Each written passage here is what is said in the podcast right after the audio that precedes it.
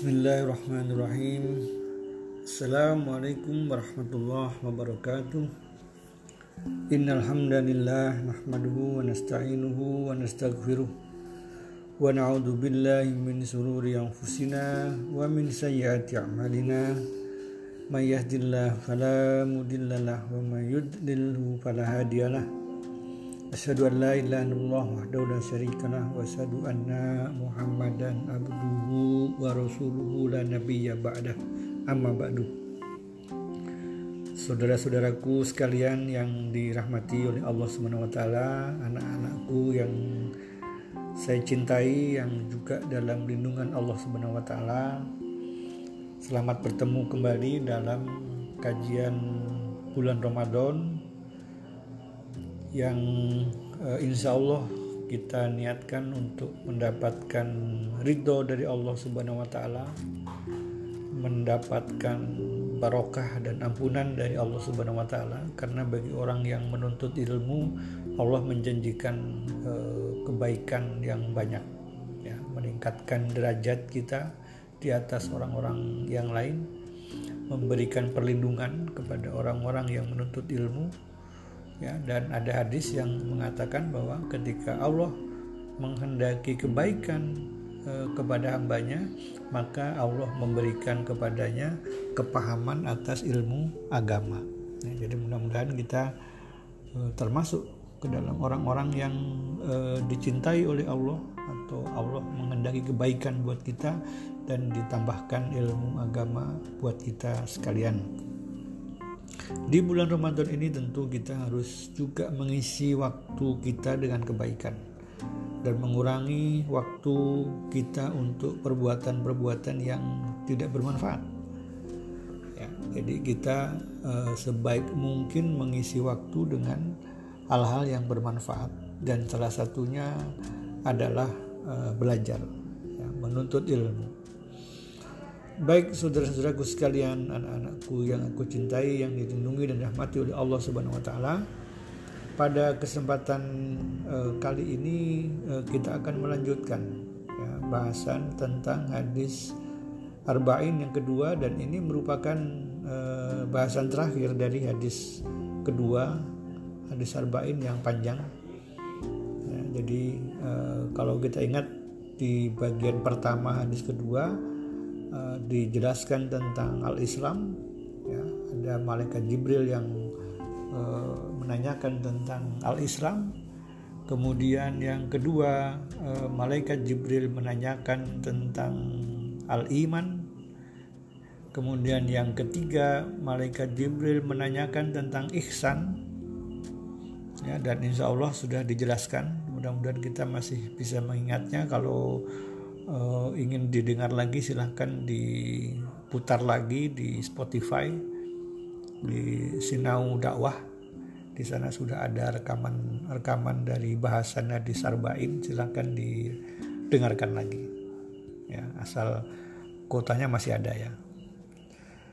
Uh, baik uh, hadis kedua bagian terakhir ini uh, saya akan bacakan Kemudian dia berkata, "Fakhbirni amal mas'ulu anha bi'alama minas sa'il." Ya, fakhbirni anisa'ah. Kabarkanlah uh, kepadaku tentang datangnya hari kiamat. Beliau bersabda, yang ditanya tidak lebih tahu dari yang bertanya. Ya, jadi saya ulangi, yang ditanya tidak lebih tahu dari yang bertanya. Ya, dia berkata, malaikat Jibril tadi berkata, kalau begitu beritakanlah tentang tanda-tandanya. Beliau bersabda jika seorang hamba melahirkan tuannya. Seorang hamba ini maksudnya budak. Ya, melahirkan tuannya. Kemudian jika seorang bertelanjang kaki dan dada, miskin, lagi pengembala domba, dan mereka berlomba meninggikan bangunannya. Kemudian Rasulullah SAW bertanya, ya, setelah uh, orang tadi pergi, uh, bertanya kepada para sahabat, tahukah engkau siapa dia? Ya, uh, Sahabat bertanya Allah dan Rasul yang lebih mengetahui beliau Rasulullah SAW bersabda dia adalah malaikat Jibril yang datang kepada kalian mengajarkan tentang agama Islam riwayat Muslim jadi sudah disampaikan sebelumnya bahwa yang bertanya tadi itu adalah malaikat Jibril ya sungguh uh, beruntung ya para sahabat bisa sempat bertemu dengan malaikat uh, Jibril ya yang uh, berbentuk seperti manusia ya yang menunjukkan diri sebagai manusia.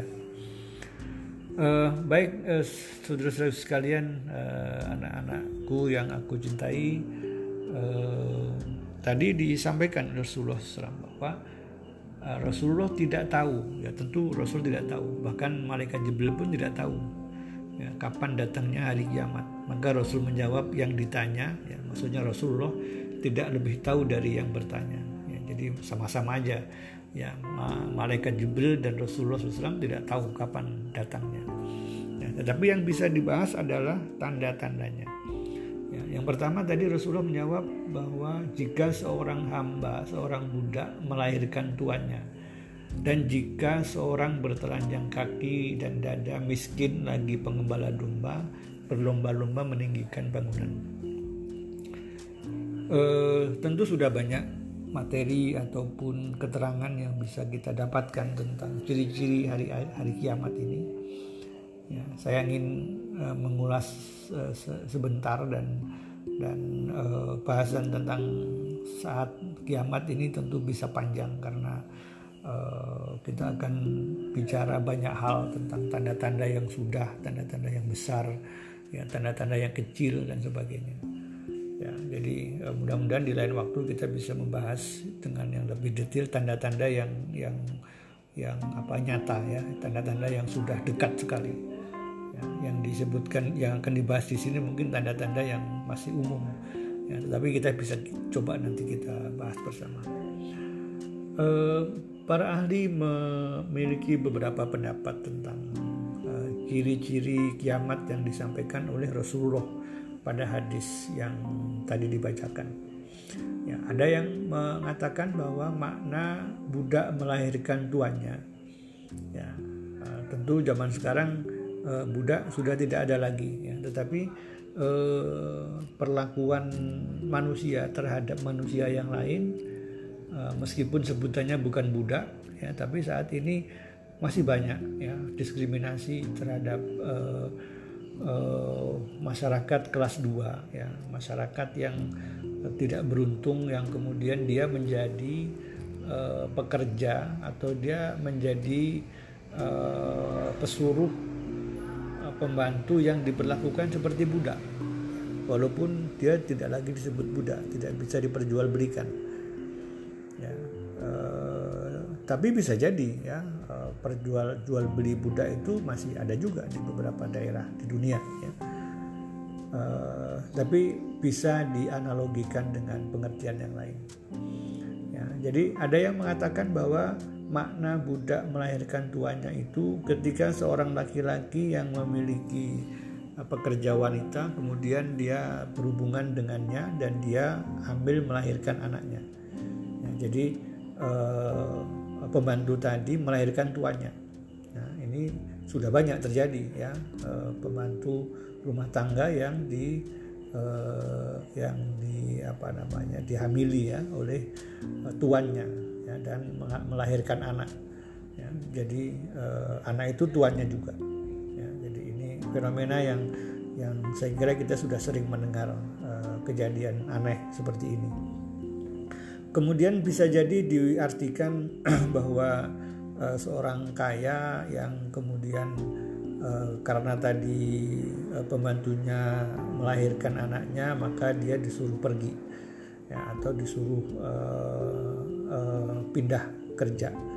Ya, kemudian lama, kemudian anaknya sudah besar dan kemudian di uh, waktu ketika dia sudah berumah tangga anaknya dia bertemu lagi dengan uh, pembantu yang yang yang ternyata ibunya dan kemudian dia memperkerjakan ibunya ya ini mungkin juga terjadi ya dengan dengan kondisi yang yang uh, sudah tidak jelas uh, di di dunia di ke, kebudayaan barat uh, siapa orang tuanya uh, anak tidak tahu siapa ayah ibunya itu kejadian seperti ini sangat mungkin. Jadi itu beberapa pendapat uh, tapi intinya uh, ulama me menyimpulkan bahwa makna uh, hikmahnya adalah ketika orang manusia tidak lagi berbakti kepada ibunya ya, tidak menghormati ibunya, tidak lagi memuliakan ibunya. Ya, itulah uh, yang disepakati oleh uh, orang-orang, oleh para ulama. Arti budak melahirkan tuanya adalah ketika orang sudah tidak menghormati ibunya dan tidak memuliakan ibunya. Kemudian yang kedua, ya, Rasul menyampaikan ada penggembala kambing orang-orang miskin yang uh, berlomba-lomba meninggikan bangunannya. Ini juga uh, apa namanya para uh, penafsir hadis juga uh, bermacam-macam pendapatnya. Ya, tapi yang paling banyak diikuti adalah uh, karena uh, ada juga seorang sahabat yang bertanya uh, kepada Nabi SAW ya siapakah penggembala kambing tadi yang tidak beralas bertelanjang dada uh, tapi meninggikan bangunannya maka Rasulullah menjawab orang-orang Arab. Ya, jadi orang yang tinggal di benua Arab di Jazirah Arab. Kita tahu sekarang bangunan-bangunan tertinggi yang ada di dunia ini ya yang tertinggi ada di eh, apa namanya di di di, di Jazirah Arab ya ada di eh, Jeddah ya kemudian ada di Dubai. Di, di, di, di Jeddah itu Kingdom Tower itu sampai satu kilometer tingginya. Wah bukan main ya. Kemudian Burj Khalifa di Dubai itu tingginya sampai 820 meter. Ya bukan main. Ya, tinggi sekali itu semuanya sudah banyak ada di uh, dunia Arab jadi itu merupakan tanda-tanda tentang uh, datangnya hari kiamat sudah dekat. Kemudian eh, saudara-saudaraku sekalian yang dirahmati oleh Allah, ada juga di Al-Qur'an menjelaskan tentang eh, surat tentang tanda-tanda kiamat. Ya. Salah satunya ada di surat Al-A'raf ayat 187 A'udzubillahi minasyaitonirrajim. Yas'alunaka anis-saati ayyana mursaha. Inna ma ilmuha inna rabbi la yujalliha liwaqtiha illa huwa. Ya, sakulat fis samawati wal ard la ta'tikum illa baqtah. Yas'alunaka ka'annaka hafiyun anha kul inna ma ilmuha innallahi walakinna nasi la ya'lamun mereka bertanya kepadamu tentang hari kiamat kapan terjadinya, maka katakanlah sungguhnya pengetahuan tentang hari kiamat itu ada pada sisi Robku. Tidak seorang pun yang dapat menjelaskannya waktu kedatangannya selain dia Allah. Kiamat itu amat berat huru hara bagi makhluk di langit dan di bumi. Kiamat itu akan datang kepadamu melainkan dengan tiba-tiba. Mereka bertanya kepadamu seakan-akan kamu benar-benar mengetahuinya. Katakanlah, Sesungguhnya pengetahuan tentang hari kiamat itu ada di sisi Allah, tetapi kebanyakan manusia tidak mengetahuinya. Ya. Tanda-tanda hari kiamat yang lain apa yang ada dijelaskan di hadis? Ya, ada hadis riwayat Bukhari yang menyebutkan sesungguhnya tanda hari kiamat itu ada antara lain adalah diangkatnya ilmu, ya, tersebarnya kebodohan, diminumnya khomer dan merajalenya per, perzinahan Ya, itu semuanya sudah ada di uh, di lingkungan kita, di kehidupan manusia itu sudah ada semuanya sekarang. Ya, atau hadis yang lain, tidaklah tiba hari kiamat sehingga matahari terbit dari arah terbenamnya. Maka apabila tanda ini telah muncul seluruh manusia menjadi beriman. Keimanan manusia saat itu tidak bermanfaat bagi dirinya. Bagi yang mulanya tak pernah beriman, juga bagi yang semula belum pernah berbuat baik dalam keimanannya. Nah, ini tanda yang sudah sangat dekat ya. Ketika sudah uh, matahari terbit dari barat, maka uh, sebetulnya itu tanda yang paling dekat ya. Uh, dan dan uh, menurut riwayat yang lain pada masa itu sudah tidak ada lagi orang yang beriman.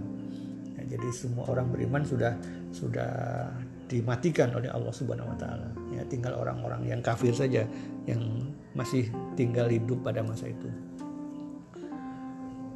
Uh, Saudara-saudara sekalian yang dirahmati oleh Allah, apa yang bisa kita ambil uh, kesimpulan dari uh, uh, hadis yang tadi ya, hadis yang ditanyakan oleh uh, malaikat Jibril tentang hari kiamat. Tidak lain adalah bahwa itu mengabarkan kepada kita atau mengajarkan kepada kita untuk supaya kita semakin bertambah keimanan kita kepada hari kiamat. Ya, semakin yakin bahwa hari kiamat itu pasti datang. Ya, sebagai akhir dari kehidupan dunia itu pasti datang. Ya, kita sebagai orang yang beriman eh, diajarkan untuk meyakini hal itu. Ya dalam surat Al-Baqarah bila rajim man amana billahi wal yaumil akhir. Ya yaitu orang-orang yang beriman itu orang-orang yang beriman kepada Allah dan uh, beriman akan datangnya hari akhir.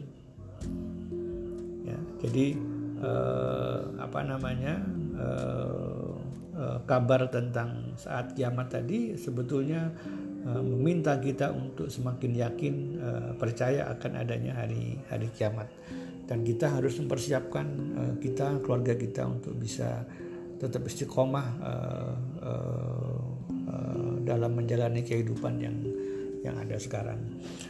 Apa hikmah uh, iman kepada hari akhir? Ya, kita kita tidak akan bahas ciri-ciri hari kiamat karena itu akan panjang. Kita ambil hikmahnya saja. Jadi uh, ini yang bermanfaat buat kita. Yang pertama, senantiasa kita akan bersikap hati-hati. Di mana kita berada, kita akan selalu taat kepada agama, dan kita akan sadar bahwa e, kesenangan hidup di dunia ini akan habis, ya, dan kita akan diminta pertanggungjawaban, yang akan dihisap, ya, dan e, harta yang terbawa oleh kita mati adalah harta yang kita nafkahkan yang kita pakai nggak akan e, kita bawa. Tapi yang kita nafkahkan yang kita sedekahkan kita zakatkan itulah yang akan kita bawa. Kemudian yang kedua memperbaiki kualitas ibadah kita. Ya, kita akan semakin taat kepada Allah kita akan semakin berbuat baik kepada orang tua kita akan semakin berbuat baik sama manusia. Ya karena uh, kalau kita tahu akan ada hari kiamat yakin maka uh, kita akan memperbanyak amal ibadah kita supaya timbangan amal perbuatan kita lebih berat Kemudian kita juga akan sadar bahwa kehidupan setelah kehidupan dunia merupakan tujuan yang hakiki. Jadi tujuan kita bukan bukan dunia ya. Hari akhir tadi adalah awal dari kehidupan uh, alam yang baru ya, alam alam akhirat. Dan itu pasti datangnya. Kemudian juga menambah perbuatan amal baik dan berusaha untuk mengurangi dan meninggalkan larangan Allah. Kemudian eh, kita juga akan mendapatkan hikmah bahwa dunia itu sebetulnya menjadi ladang ya uh, untuk memperbanyak amalan, menjadi jembatan untuk menuju akhirat. Ya. Dan dengan demikian kita akan terhindar dari uh, sifat rakus, kikir, tamak. Ya, karena itu tidak akan bermanfaat nanti di akhirat. Kemudian kita tidak menjadi iri ya dengan kenikmatan yang didapat oleh orang lain. Karena itu kenikmatan itu akan dipertanggungjawabkan oleh dia. Ya, jadi eh, kita akan berkonsentrasi fokus kepada apa yang bisa kita lakukan dan kita hasilkan. Kemudian tentu membuat jiwa menjadi tentram karena kita sudah yakin uh, bahwa itulah kehidupan berikutnya dan kita akan berusaha untuk bisa uh, mendapatkan hasil yang terbaik di dunia. Kemudian eh, apa iman kepada hari akhir? Atau apa manfaatnya? Apa buahnya? Ya, kalau orang tadi menanam berladang di dunia, maka buahnya apa? Buahnya yang pertama adalah bahwa kualitas ibadah kita pasti akan eh, meningkat, menambah keimanan, menumbuhkan rasa takut dan rasa harap. Ya, kunci ilmu tentang keutamaan. Ya, kita mengetahui kunci-kunci ilmu ya kita berimbang dalam eh, keadaan senang maupun sulit. Ketika senang kita bersyukur ketika sulit kita bersabar. Ya, jadi itu adalah uh, buah dari iman kepada hari akhir. Kemudian juga akan menumbuhkan akhlak yang mulia, ya, akan mempertebal iman kepada Allah dan hari akhir dan menjadi pendorong yang kuat untuk kita bisa uh, berakhlak yang baik, ya. Maka yu'minu billahi wal yaumil akhir ya. Fala yu'ti jaruhu wa man kana yu'minu billahi wal yaumil akhir. Ya. Fal yukrim daifah. Wa man kana yu'minu billahi wal yaumil akhir fal yakul khairan aw liyasmut. Ya, barang siapa yang beriman kepada Allah dan hari akhir sebaiknya dia memuliakan tamunya. Ya jadi uh, ini buah iman. Jadi kalau kita beriman beriman kepada Allah pada hari akhir kita akan memuliakan tamu. Kemudian juga e, menghormati tetangga. Tetangga di sekitar kita kita menghormati mereka e, e, memberikan makanan yang ada di dapur kita yang kelebihan ya membagi rezeki ya.